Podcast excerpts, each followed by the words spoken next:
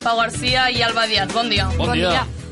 Aquesta setmana ha començat el judici per la trama de corrupció urbanística més important de Catalunya, el cas Pretòria. Quatre dels principals implicats a la trama estaven connectats a la política. Són l'exdiputat del PSC i considerat el cervell de la trama, Luis García, més conegut com a Luigi, l'exalcalde socialista de Santa Coloma, Bartomeu Muñoz, i dos exalts càrrecs de Convergència en l'època de Pujol, qui va ser secretari de presidència, Lluís Prenafeta, i l'exconseller d'Economia, Macià Alavedra. Precisament, Bartomeu Muñoz ha estat un dels primers a declarar. L'exalcalde de Santa Coloma de Gramenet Canet, acusat d'influir i pressionar en l'adjudicació de contractes públics i obtenir sucoses comissions, ha negat haver obtingut cap tipus de benefici.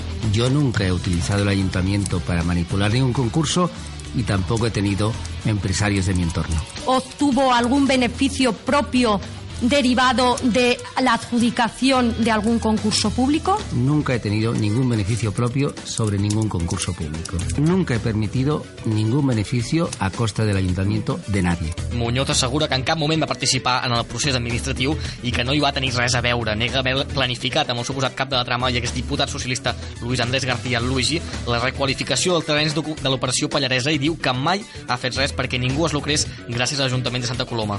Aquestes declaracions, però, han quedat desmentides ràpidament. Després que Muñoz afirmés que no tenia cap relació laboral amb Luigi, una escolta telefònica el deixa en evidència. Escoltem el moment. Hay una profunda amistad. Se hablaba bastante con él, sí. ¿Pero de temas eh, personales, de tema profesional? De temas, de temas de los que hablan los amigos. He despachado con el Manolo y hemos hecho todo el trabajito con él. Ya me ha dicho, ya, ya me ha dicho, pero hay un, tema, hay un tema que yo empiezo a no ver claro, ¿eh? ¿El que cuál es? Lo de urbanismo, porque no, llega, no llegaré. Sí, que llegamos, sí. I aquí no acaba, perquè l'empresari Manuel Carrillo també ha reconegut subons per tal que l'Ajuntament de Santa Coloma de Gramenet li adjudiqués el contracte per la neteja d'equipaments municipals durant el mandat de Muñoz.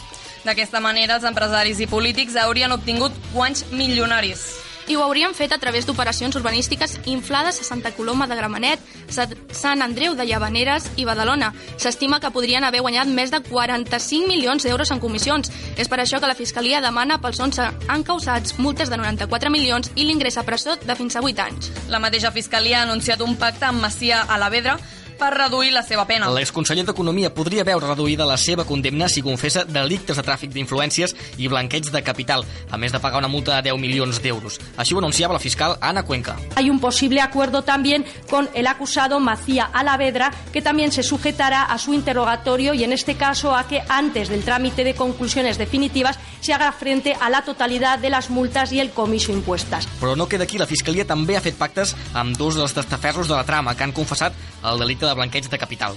I per part dels càrrecs polítics, hi ha hagut cap reacció? Doncs sí, pel que fa al PSC, Miquel Iceta assegura que desconeixia el cas i defensa que no hi ha elements de finançament irregular en el seu partit. A més a més, en una entrevista a TV3 ha expressat el següent.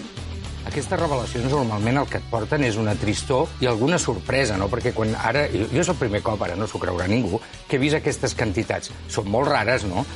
També ha manifestat que té ganes de que la justícia faci neteja. Tot i així ha afirmat que no està seguint el judici perquè no se sent pas implicat. Què en diu de tot plegat la premsa catalana?